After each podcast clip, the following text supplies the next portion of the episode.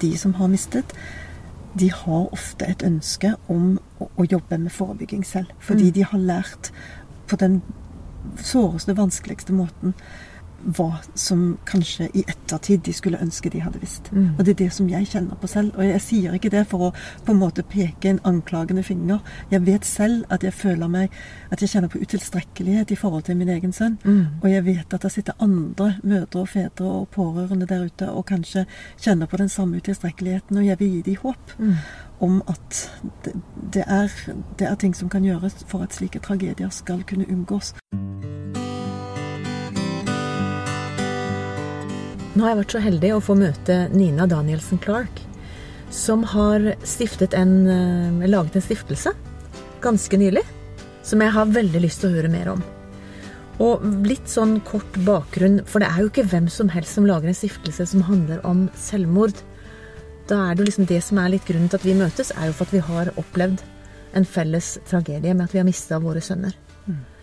Og Nina har jo også stått fram i noe som heter The Human Aspect. Og det legger jeg inn en link med inni posten her. Og da kan dere høre litt mer om historien bak, og hvordan dere opplevde dette, og hva som skjedde. Sånn at du kan få lov til å fokusere nå på denne stiftelsen som jeg har kjempelyst til å høre mer om. Så Nina, tusen takk for du kom. Takk skal du ha for at jeg får lov å bidra til podkasten din. Ja. Du har jo en ganske sånn solid bakgrunn, sånn faglig, og, og så har jo livet tatt litt eh, nye veier. Ja. Ja, altså jeg eh, er jo sivilingeniør i utgangspunktet. Jobbet med mobile telefoner i alle år. eh, Og større prosjekter innen teknologi. Jeg bodde i utlandet, bodde utenfor London i 25 år. Og fikk tre barn. Og ja, hadde et ganske normalt liv, egentlig. eh, Inntil eh, april 2016. Da mistet jeg min eh, 14 år gamle sønn i selvmord. Han var den yngste. Og eh, 14 år gammel. 14 år var han, ja. Og eh, de som vil, som du sier, vil høre om den historien og, og hva som skjedde der, de, de kan jo gå på The Human Aspect eh, og den linken som du deler. Men eh, det som jeg opplevde som mest nyttig når jeg skulle takle min egen sorg og finne en vei videre, det var å jobbe med selvmordsforebygging. Eh, Hvor lenge etterpå tenkte du at det var en, en vei å gå for deg? Det var kanskje seks måneder før jeg gjorde det første, som var å engasjere meg frivillig. Eh, En fundraiser for en, en liten organisasjon som driver med forebygging da, i Storbritannia. Og så jeg, så tok jeg noen kurs. Jeg ble kursleder i psykisk første, førstehjelp og i eh, kan du si, intervensjon ved selvmordsfare i England. Mm.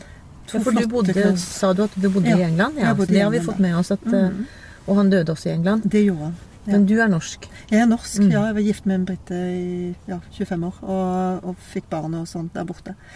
Men, Har de eh, god oppfølging? Kan jeg bare bryte og spørre om det? Sånn i England, Er det, er det bedre enn i Norge liksom, Nei. i forhold til oppfølging? Og... Nei, nei overhodet ikke. Der den frivillige sektoren er jo helt enorm i England, nettopp fordi oppfølgingen fra staten er veldig tilfeldig. Og, og det er et veldig stort samfunn med millioner på millioner av mennesker. Og du kan si eh, veldig stor forskjell eh, på mennesker òg. Så det er vanskelig å tilby, tror jeg også, i praktisk. eh, Å tilby god støtte. Men det er mulig. Men det er veldig tilfeldig, da, hva som skjer i England. Det tror jeg også det er i Norge, men jeg tror det er verre i England. Ja. Men etter seks måneder Ja. så tenkte du at du måtte Jeg måtte gjøre noe, eller jeg, jeg fikk anledning til å gjøre noe, og så tenkte jeg jeg skulle prøve det.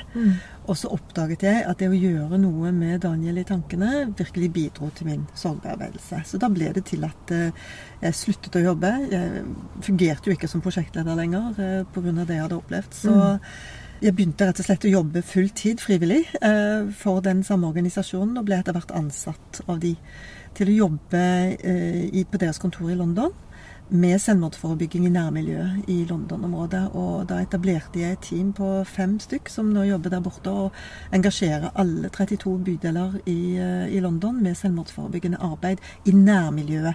Altså ikke gjennom sykehus eller eh, du kan si helsestasjoner, men, men eh, gjennom alminnelige hverdagslige mennesker som du og jeg. Så det er erfaringskonsulenter, på en måte? Eller mennesker som bare brydde seg? Eller var det folk som hadde egen erfaring med dette og har selvmord i familie eller vennekrets? Det er alle mulige slags mennesker som har behov for å forstå hvordan de kan bidra til å bygge et samfunn som er, er tryggere for de med selvmordstanker. Ja. Og en del av de som engasjerer seg, er jo selv eh, utsatt eller opplever selvmordstanker. Mm. Og det tar vi også med oss, at de er også en del av det samfunnet, kan være med på å skape det samfunnet. Så ga du de noe opplæring eller noe sånt Ja. nå? Og Ja. så satte du de til å være ressurser lokalt? Rett og slett til å bidra med opplæring. Ja, det, og det er usannsynlig effektivt. Og det gir mennesker mulighet til å engasjere med problematikken der vi vanligvis er så innmari redde for å snakke om. For vi, vi, vi har så mange myter, og vi har stigma og tabu, og vi tør ikke å engasjere oss. for Vi er redd for å gjøre det verre. Men det viser seg jo det at eh, man kan skape et samfunn som er mer omsorgsfullt, og der man kan ha vanskelige samtaler, og faktisk bidra til at de som har det vanskelig, kan føle seg mer støttet og mer sett. Og det er i seg selv tryggere for de. Men så går det noen år da, som du fortsatt bor i England, og så flytter du til, flytter du til Norge. Jeg skilte meg i 2018 eh, og eh, flyttet til Norge i januar 2019. Um, og ville gjerne engasjere meg i lignende arbeid her i Norge. Men oppdaget fort at eh, den ideelle sektoren her er egentlig ganske liten. Den eh, kan du si, eh, kommunale og, og statlige sektoren er ganske lukket. Der er det mye fagfolk som er veldig dyktige, men de sitter liksom på sitt. Og jeg er jo ikke fagmenneske. Jeg er ikke helsefagarbeider. Jeg har ikke den bakgrunnen. Jeg kunne jo tatt en psykolog Ja, et kurs i psykologi, eller tatt en universitetsutdannelse i det, men, jeg insisterer på en måte at dette er tematikk som angår oss alle. Man skal man må ikke være psykolog for å engasjere med dette. Faktisk så mener jeg at man ikke skal være psykolog for å kunne engasjere med dette. Dette angår oss alle. Hvis vi skal skape et tryggere samfunn, så kan vi ikke overlate denne problematikken til de profesjonelle. Så da kan man spre ut og bli flere Ja. som, som får en liten grunnutdannelse, på en måte, eller er, altså erfaring fra andre. Og så kommer man ut. Og det er, det er jo flere ting du har engasjert deg i Ja. før du starta din egen stiftelse. Ja. Hva- var veien ditt? Jo, altså jeg begynte jo å jobbe med de ideelle organisasjonene som finnes i Norge, da. Eh, Jeg meldte meg på eh, konferanser og eh, kurs, og da hos Regionalt senter for forebygging av vold og traumatisk stress, RVTS. Jeg har jobbet med LEVE, Landsforeningen for etterlatte ved selvmord. Eh, Jeg har eh, hatt prosjekter med ja, Nasjonalt senter eh, på Blindern. De som jobber med forebygging fra et, kan du si, et forskningsperspektiv. Og, og har gjort masse interessant arbeid. Men det var jo ingenting lønnet. Det var det første. Og, og mye frivillig arbeid. Men det ble liksom jeg, følte på en måte at jeg alltid jobbet litt ved siden av det jeg egentlig brenner for. Mm. Og det er rett og slett forebygging blant folk flest. For at de av oss som er sånn som meg, som kanskje ikke ser at det kan være snakk om selvmord før det er for seint. Eh, eller kanskje opplever at de skulle ønske at de forsto litt bedre hvordan man kan engasjere seg med dette problemet. Mm. At de får, at de finner den informasjonen. At det ikke skal være noe som sitter langt inni en eh, ja, Men det tror jeg er om du er utdanna lege eller om du er psykiatrisk sykepleier, sånn som jeg er, så er dette temaet så spesielt. Og det er så langt innenfor alt du på en måte Det hjelper fint lite, for å si det rett fram. Med alle mine år på skole så er hele livet snudd på hodet, og du er i et sånn kaos at du trenger jo en hånd å holde i. Nå høres det liksom litt sånn eh, rart ut, nesten. Men du trenger på i hvert fall ikke i den akutte tida etterpå. Så tenker jeg at du trenger et menneske, å møte et menneske som som har vært igjennom denne forferdelige myra sjøl. Du trenger ikke noen som begynner å sette noen diagnoser på deg og de som er rundt deg. Men du tegna tre, tre, tre firkanter for meg i stad. At det er tre områder man skal jobbe med, mm. eller som er viktig å jobbe med i forhold til selvmordsforebygging. Fortell litt mer om det, og hvor du har lyst til å satse. Jo, altså Jeg deler arbeidet med selvmordsforebygging inn i tre forskjellige bolker, som du sier. Den første bolken er forebygging. Det er det vi gjør eh, som samfunn for at folk ikke skal få selvmordstanker. Eh, det handler om livsmestring. Det handler om hjelp til å takle og komme seg videre gjennom vanskelige perioder i livet. Og, og det handler også om tidlig støtte til de som har psykiske plager.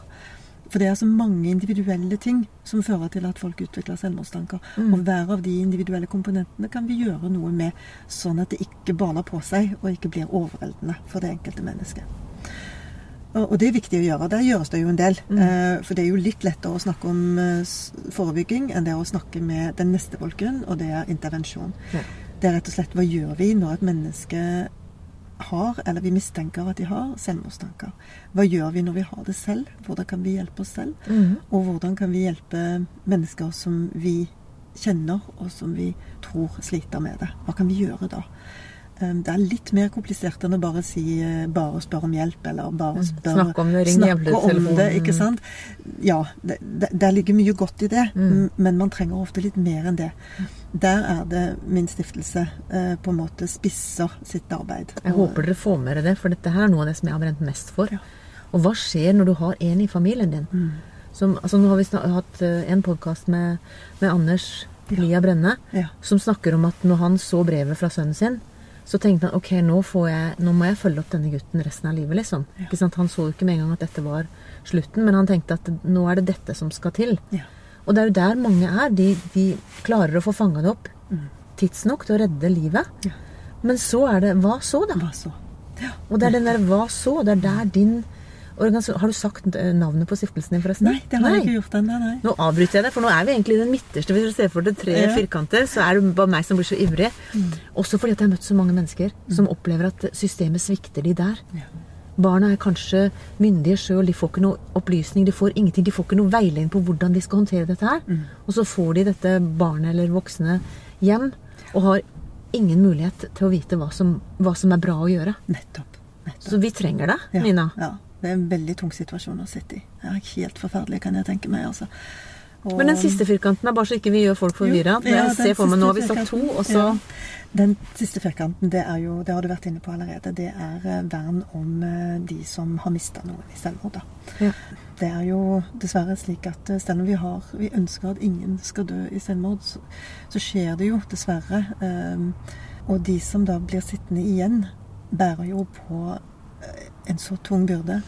Og trenger, som du sier, en, en hånd å holde i. De trenger noen som, som kan forstå, og som kan hjelpe dem sånn at de klarer å stå på beina. For det er rett og slett eh, det, det mest forferdelige som, som kan skje. Og eh, det, er, det er en veldig viktig del av forebyggende arbeid også, fordi vi vet jo at de som har mista i selvmord selv, er i statistisk større fare for å ta sitt eget liv. Det er Så belastende er det faktisk å, å miste noen. De som har mistet, de har ofte et ønske om å, å jobbe med forebygging selv. Fordi de har lært på den såreste, vanskeligste måten hva som kanskje i ettertid de skulle ønske de hadde visst. Mm. Og det er det som jeg kjenner på selv. Og jeg sier ikke det for å på en måte peke en anklagende finger. Jeg vet selv at jeg føler meg At jeg kjenner på utilstrekkelighet i forhold til min egen sønn. Mm. Og jeg vet at det sitter andre mødre og fedre og pårørende der ute og kanskje kjenner på den samme utilstrekkeligheten, og jeg vil gi dem håp Mm. om at det, det, er, det er ting som kan gjøres for at slike tragedier skal kunne unngås. Og det vil ikke si at, at du har gjort noe galt, for den følelsen sitter vi med alle som har mista noen. Men at vi som samfunn kan gjøre noe for at dette ikke skjer igjen, da i hvert fall. For alle har vel valget når vi opplever sånn som både du og meg har, og mista, mista vårt eget barn. At det er veldig sånn Jeg hadde en sånn opplevelse at det, det var et hull på sida av meg som jeg hadde lyst til å hoppe ned i. Ja. Som var mørkt og som virka veldig varmt og godt med en gang. Men jeg visste at hvis jeg først hopper ned i den sorgen der, og blir der, så kommer jeg ikke opp igjen. Nei. Det er varmt med en gang, men det kommer til å bli iskaldt. Ensom. Og så er ja. Mm. Og alle ville forstått hvis den var der. Ja. Og så er det liksom noe hos oss som vi har opplevd begge to når vi har snakka sammen litt nå, mm. at Men kan jeg finne på noe meningsfylt å gjøre, da? Som gjør at jeg i hvert fall kan være. Jeg kan ikke redde gutten min, men kanskje jeg kan være med og redde en annen gutt. Ja. Og det hadde vært på en måte Det er min Min gave tilbake igjen, på en måte, istedenfor å bare gå, drukne i en sorg. Ja. Men her er vi jo forskjellige. Vi får forskjellige måter å, å jobbe oss gjennom dette her på. Ja, vi er veldig forskjellige alle sammen. Og den sorgen er veldig individuell også. Og jeg klandrer ikke de som faller ned i det mørket, for det er, det er en så altoppslukende sorg. Så, så jeg tror egentlig jeg er ganske heldig at, at jeg har fått anledning til å rette min sorg mot denne stiftelsen, da. Som, eh, som gjør at jeg i hvert fall klarer å stå opp om morgenen og gjøre, gjøre noe. For det gir mening midt oppi det meningsløse. Ja, man må ta det man kan. Ja. Ja. Men eh, stiftelsen din, og sier organisasjon, men en stiftelse, Når mm -hmm. var det du starta den? Den startet jeg faktisk eh, 10. oktober i år. Den er veldig fersk. Ja, den er veldig fersk. Og så må du fortelle litt hva navnet betyr. Ja, det skal jeg gjøre. Altså Først så startet jeg den 18 måneder etter at jeg kom til Norge. Fordi jeg ville jo først se Jeg var ikke så eh, arrogant at jeg tenkte jeg skulle bare flytte tilbake til Norge etter 20 år og starte en ny, fantastisk stiftelse i Norge. Jeg tenkte jeg skulle se om det var en måte jeg kunne bidra på andre måter. Da. Mm. eh, Til dette arbeidet. For jeg liker ikke så veldig godt å jobbe alene. Man gjør jo best arbeid sammen med andre. Ja. Um, men så viser det seg det at det feltet som jeg brenner for, der er det ikke så veldig mye som skjer. Um, og, og derfor så følte jeg det var viktig. Jeg syns det er viktig nok, og Mm. det fortjener en egen stiftelse i Norge. Ja. Så jeg er veldig ambisiøs på vegne av eh, denne stiftelsen, for jeg vil at den skal nå fram med sitt sin eh, Ja, med håpet, som Mm. det der står for. Stiftelsen heter jo Elpis. Um, og det er jo et litt mystisk navn. Jeg grublet litt når jeg skulle velge det. Men uh, jeg vet ikke om du har hørt om Pandoras eske? Pandora var jo i den greske mytologien. Hun var en kvinne som fikk en eske som hun skulle passe på. mm. Og hun hadde ikke lov til å åpne den. Og så gikk hun litt rundt og passet på denne esken, men var jo veldig nysgjerrig. Hadde veldig lyst til å bare ta en bitte liten titt.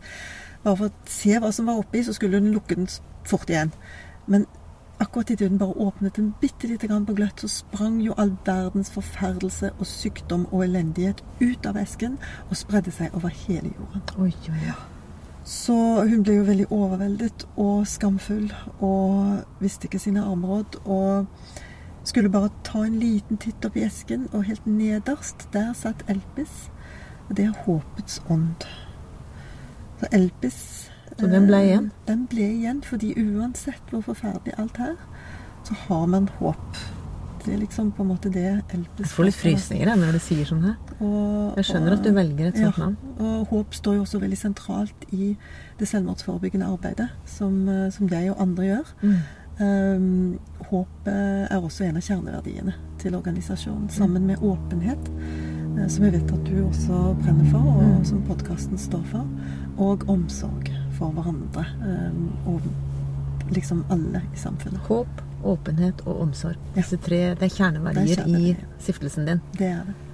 Og håp er jo en stor sak. Vi snakka litt om det i stad, bare du og meg. At det er jo ofte det vi ser som blir beskrevet i disse brevene når de tar farvel. At, at det finnes ikke noe håp lenger. Og det å kunne peke på at uh, kanskje ikke i din, i din tanke og i ditt kaos så er det håp, men, men det, er også, det er jo derfor den åpenheten kommer inn. At hvis du slipper inn noen andre, så kan de kanskje ta og åpne opp et vindu. da. Ja. Der hvor det er helt bekmørkt. At det er Hjelpe deg til å finne et vindu i deg selv Ja. som du kan åpne for å Nå blei ble vi jo dype, sjøl om vi sier at vi er ikke så veldig dype. Men, men det er jo Ja. Altså, ja. Det er dette du ønsker å jobbe med. Ja. Det er det midterske litt sånn som ingen egentlig vil ta i, eller veldig få vil ta i. Ja. Og så er du tøff nok. Du er jo ikke så veldig høy. Nei. Men du er jo et, et menneske som jeg ser du har det derre guts, liksom, og bare tenker Denne Denne utfordringa tar jeg. Ja. Og grunnen til at jeg føler meg så trygg på det, er fordi jeg vet at Altså, jeg er jo vitenskapsperson i utgangspunktet, ikke sant, og faktabaserer eh, det jeg gjør. Jeg driver ikke og dikter opp ting. Men eh, jeg baserer jo arbeidet mitt på em, og stiftelsen på arbeidet som, eh, som Helsedirektoratet gjør. Mm. Selvmordsforebyggende i Norge i dag, og har gjort det i 20 år Mm. gjennom en organisasjon som heter Vivat. Som holder kurs og eh, holder opplegg for eh, alle mulige mennesker, men ofte innen organisasjoner i Norge. Altså innenfor, kan du si eh, eh, Går de rundt i bedrifter og på Ja, skoler og alle veier? Nei, liksom? de går ikke rundt. Det skulle med mindre de blir bedt, liksom. Be- be- be, Men de kan- Som regel så er det innenfor eh, helseverninstitusjoner. Eh, det militære, f.eks. Ja. brukes det en del. Og så brukes det i det politifolk, og det er ofte kan du si, organisasjoner som har oppdaget at de trenger det. Ja. De har ofte fått opplært en person, sånn at de kan holde kurs innenfor sin organisasjon. Mm. Og Det er 170, minst 170 kursledere rundt i Norge som kan veldig mye om dette med intervensjon. Eh, som kan en modell for å kunne ha en trygg samtale med et menneske som tenker på å ta livet sitt. Mm. Eh, så For det er det som er skummelt. Det er mange som sier vi aner ikke hva vi skal si. skal vi si? Det er jo én ting til oss etterlatte, at Ja. noen går lange omveier fordi de aner ikke hvordan de skal møte oss og er livredde for å si noe galt. Nettopp. Men også hvis noen plutselig At de, de skjønner at eh, Hæ, sliter du med dette? Og så bare sånn derre Ja, men da skal vi ringe til psykologen. Nettopp. Istedenfor at det er faktisk mange ting Ja, det som folk Hvis du bare har peiling, litt grann peiling på hva du kan si og gjøre, Ja. som hjelper. Nettopp. Og det er ikke Man behøver ikke være psykolog for å ta den samtalen. Mm. Og, og jeg tror de, mange vil kanskje forstå at man behøver ikke være psykolog for å være et empatisk medmenneske. Og det er jo det som ligger i bunnen og grunnen av disse intervensjonene. da. Å kunne sitte i mørket sammen med mennesker som har det kjempevanskelig, og klare å stå i det. Mm. Nå kom jeg på en liten ting, bare for at jeg leste just et sånn eh, om, om brukere, hva det var som egentlig hjalp dem når de sleit som mest, som Ja. var i institusjoner. Ja. Vet du hvem som de opplevde fikk mest hjelp av? Hvem da? Kan du tippe? Eh, nattevakten eller Kjøkken, rengjøringspersonalet? ja, mm. Kjøkkenhjelpa, som satt sammen med dem på en måte og lagde maten. Og satte seg ned med dem og var bare en likeperson, på en måte. Nettopp. På lik linje. Det er ganske ut... Altså, det var en gjenganger. Ja. At det var de personene de opplevde mest varme, og kanskje klarte å finne noe håp hos. Ja. Det er ikke for å disse alle helsepersonell, men det er jo absolutt en tankevekker. Ja, absolutt. Og jeg sier heller ikke vi skal disse helsepersonell, for de gjør kjempemye veldig viktig arbeid. Mm. Men jeg tror det ligger, ligger en barriere i det at hvis vi sier at de som opplever selvmordstanker, er psykisk syke, så vil de kanskje stille spørsmål ved Ja, men jeg, jeg er jo ikke psykisk syk. Altså, noen, noen er jo utvilsomt det. Um, og det er jo en medbelastning um, for de som sliter med dårlig psykisk helse eller Mm. psykiatriske problemer. Ja. De kan jo få det ekstra vanskelig. Men det er jo sånn at det er under halvparten av de som dør i selvmord, som er kjent uh, for helsevesenet Mm. med noen som helst slags diagnose. ikke sant? Og, og, um, og de vil kanskje, det vil sette en barriere for dem hvis man sier at uh, vi skal be om psykisk helsehjelp. Ja, men jeg, det er ikke det jeg sliter med. Jeg sliter med kjærlighetssorg, jeg sliter med gjeld, jeg sliter med et uh, rusmiddelproblem, jeg sliter med arbeid, jeg sliter med alle mulige ting. Identitet, ingenting det er jo masse ingenting forskjellig. Ingenting har med psykiatri å gjøre. Det finnes ingen pille eller behandling. ikke sant? Det som hjelper der, er omsorg, hjelp, støtte, forståelse. At man slipper å være alene med en periode i livet da det ble veldig mye som ble uhåndterlig og vanskelig. Men nå er et spørsmål direkte til deg. Mm. Nå ser jeg for meg altså Jeg blir jo veldig personlig i forhold til min sønn. Mm. Og jeg tenker på liksom sånn Hvis det er Du og meg brenner jo litt ekstra for unge menn som ikke snakker, ikke sant? som ikke Mm. forteller om dette. Men det er jo også generelt sett. Men hvordan kan de få hjelp av din stiftelse? Det som er mitt håp, er at stiftelsen eh, skal bli en kilde til informasjon og støtte. Eh, jeg ønsker at eh, Jeg ønsker å utvikle, det skal være også basert på det arbeidet jeg gjorde i Storbritannia, utvikle ressurser for de som ønsker å dele selvmordstankene sine. Hvordan kan man gjøre det, egentlig? Hmm. Hvordan, hvordan kan man uttrykke det? Hvem skal jeg si det til? Hvordan skal jeg si det? Hmm. Eh, er det noe jeg kan si som kan gjøre det lettere for vedkommende å ta imot? Og hva gjør jeg hvis de sier Nei, nå må du ta deg sammen. Ikke sant? Hva gjør jeg da? Det det er jo det jeg kanskje er redd for. Hva er det jeg er redd for, og hvordan kan jeg forberede meg kanskje på at det ikke går helt sånn som jeg hadde håpet? Så du skal ikke- formidle en måte som altså, Ja. Hvordan kan jeg få sagt ifra ja, på? Hjelpe til med det. Og Ja. Det er jo mange forskjellige måter. og Det vil jo være opp til den enkelte å bestemme hva som hjelper de. Det er det ene. Og så vil jeg også støtte pårørende, da. Og andre berørte som kanskje ser at noen andre sliter. Hvordan skal de kunne spørre? Mm. Hva, hva er nyttig? Hva oppleves som nyttig, og hvordan kan jeg være sikker på at jeg ikke gjør det verre for vedkommende? Og hva gjør jeg hvis de svarer ja? Jeg, har det så forferdelig nå at nå orker jeg ikke å leve med. Hva gjør jeg med det svaret der? Mm. Jeg vil gjerne si at du må spørre meg hva gjør du hvis svaret er ja. Ja. Det blir jo helt, Du kan jo bli helt satt ut. Og da gå helt og roe deg inn og begynne å forklare deg at nei, nei du, dette her orker ikke jeg å ha. Dette, dette blir for vanskelig for meg. ikke sant? Nå må vi gå til psykolog. Ja. ikke sant? Og da kommer igjen den Du har ikke hørt meg, du har ikke sett meg. Det er ikke det jeg trenger. Mm. Muligens. Ikke sant. Så um, også ressurser da, også for f.eks. skoler som, som uh, har uh, unge mennesker iblant seg som, som har selvmordstanker. Hva gjør de med det? Mm. Og, og kanskje det blir kjent blant uh, skolebarna. Men Tenker du at du skal ha en hjemmeside som har disse ressursene, eller skal du rundt og snakke på det skal være hjemmeside. Det er hjemmeside, sånn at det er en plass som ja, dette, Og det skal, det skal folk få vite om. ja. At dette fins. Og de skal også Jeg syns ikke vi skal, det skal være hemmelig at det dør 650 mennesker hvert år. Minst ja for nå er de nye tallene tallene Ja. For 2019 så var det 650 mennesker som Det er mellom sitt eget liv. 600 og 700 hvert år nå. Mm. De siste fire-fem årene så har det da blitt eh, Ja, nå var det 650 i 2019, og jeg tenker jo på de 650 familier, pårørende Mm. og bekjente og venner som sitter og kjenner på det bare i 2019. Mm. Ikke sant? Eh, Men har du fått opp hjemmesida nå? Hjemmesiden er oppe, men jeg har ikke fått utviklet ressursene ennå, for den stiftelsen er jo så ny. Ja, Så, men jeg driver og jobber med å hente inn ressurser. Jeg har jo ressurser fra Storbritannia. Den, sånn informasjon finnes. Mm. Og jeg har ikke tenkt å gjenoppdikte Julie. Jeg vet at dette er trygt materiale Mm. som jeg kan dele. Det må bare oversettes på norsk, og så må det formidles. Men du har også gode folk rundt deg i styret og i Ja, Samarbeid? veldig- Ja, det har jeg. Veldig godt styre. Jeg har et fagråd med, både med brukere. Eh, Sykt ærlig f.eks. er med i mitt fagråd og skal bidra til å gå gjennom de materialene som jeg eh, foreslår. Så det blir på en måte en ressursbank, da, liksom, Ja. dette du skal ha. Det er det det skal være. Og det er jo det, altså det føler jeg sjøl jeg har ropt etter. Ja. Hvor er det jeg kan ringe, den, da? Ja. Altså det er liksom sånn, Du må søke om og søke om og søke. Så jeg tenker liksom hvis det fins én plass Et hvor man sted. kan Ja. Jeg har også et ønske om å få eh, et symbol, eh, eller en paraplyorganisasjon, for de som jobber med selvmordsforebygging i Norge. Sånn at man har ett felles nummer man kan ringe. ja.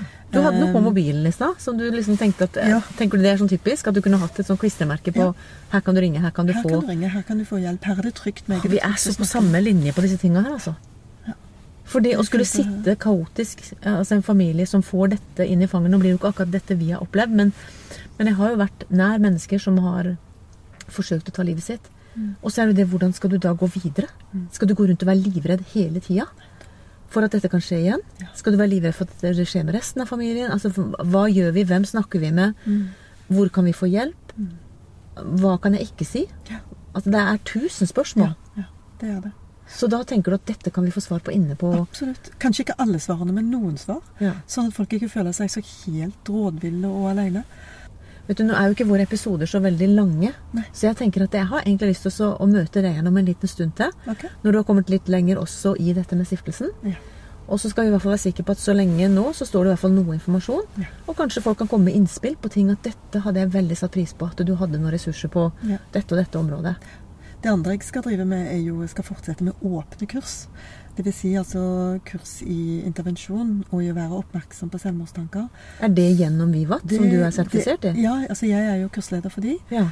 Og da skal jeg holde åpne kurs, sånn at hvem som helst kan komme på de kursene. Ikke bare de, for Mange av kursene vi var toller er lukkede for spesifikke arbeidsplasser. Ja. Sånn at man kan ikke som pårørende f.eks. si 'jeg vil gjerne lære mer om dette'. her. Da kan man lete en stund før man finner et åpent kurs der man kan være med som utenforstående. på en måte. Men jeg vil jo gjerne holde kurs fordi jeg vet at jeg har behov for dette. Men er det, er det greit, liksom? ja, det er helt greit. Men hvor, hvor skal de finne deg da henne? De går Nina? på LP sin nettside, da, vet du. Så ligger kurset inne. På LP sin nettside. sin nettside. og klikker på kurs. Ja. Og så da ligger det allerede Så du har allerede satt opp det? Ja. det Så du jeg. kan inn både til eh, bedrifter eller organisasjoner som eh, Absolutt. og Jeg holder jo lukkede kurs også. Ja. Uh, og jeg bidrar, for vi må være to kursledere på disse kursene. Stemmer. Så, da, da vi, så jeg bidrar på det òg. Og så holder jeg åpne kurs også som for, for enkeltpersoner eller mindre grupper på mennesker som vil lære mer om hvordan man kan være en støttende person da, i sånne situasjoner. Det var en flott avslutning, Nina. Jeg syns det er kjedelig å avslutte, men uh, tusen hjertelig takk for at du tok deg tida til å være med på podkasten. Fortelle om både din stiftelse og liksom bakgrunnen på hvorfor du brenner for disse tingene. Og så ønsker jeg deg veldig veldig lykke til i arbeidet som du har. Tusen takk, Anne. Helt til slutt har jeg lyst til å fortelle hvor du kan få hjelp. Kirkens SOS er en døgnåpen krisetelefon. Det samme er Mental Helse. Leve, Landsforeningen for etterlatte ved selvmord. Legevakten 116 117. Kors på halsen. Røde Kors sitt tilbud. Det er en samtaletelefon for barn og unge under 18 år. Og så er det tilbudet som heter Snakk litt, mellom Helsesista, Kirkens SOS og Nyby. Helt til slutt har jeg bare lyst til å takke deg for at du har vært med på denne episoden, og ønsker deg alt godt videre.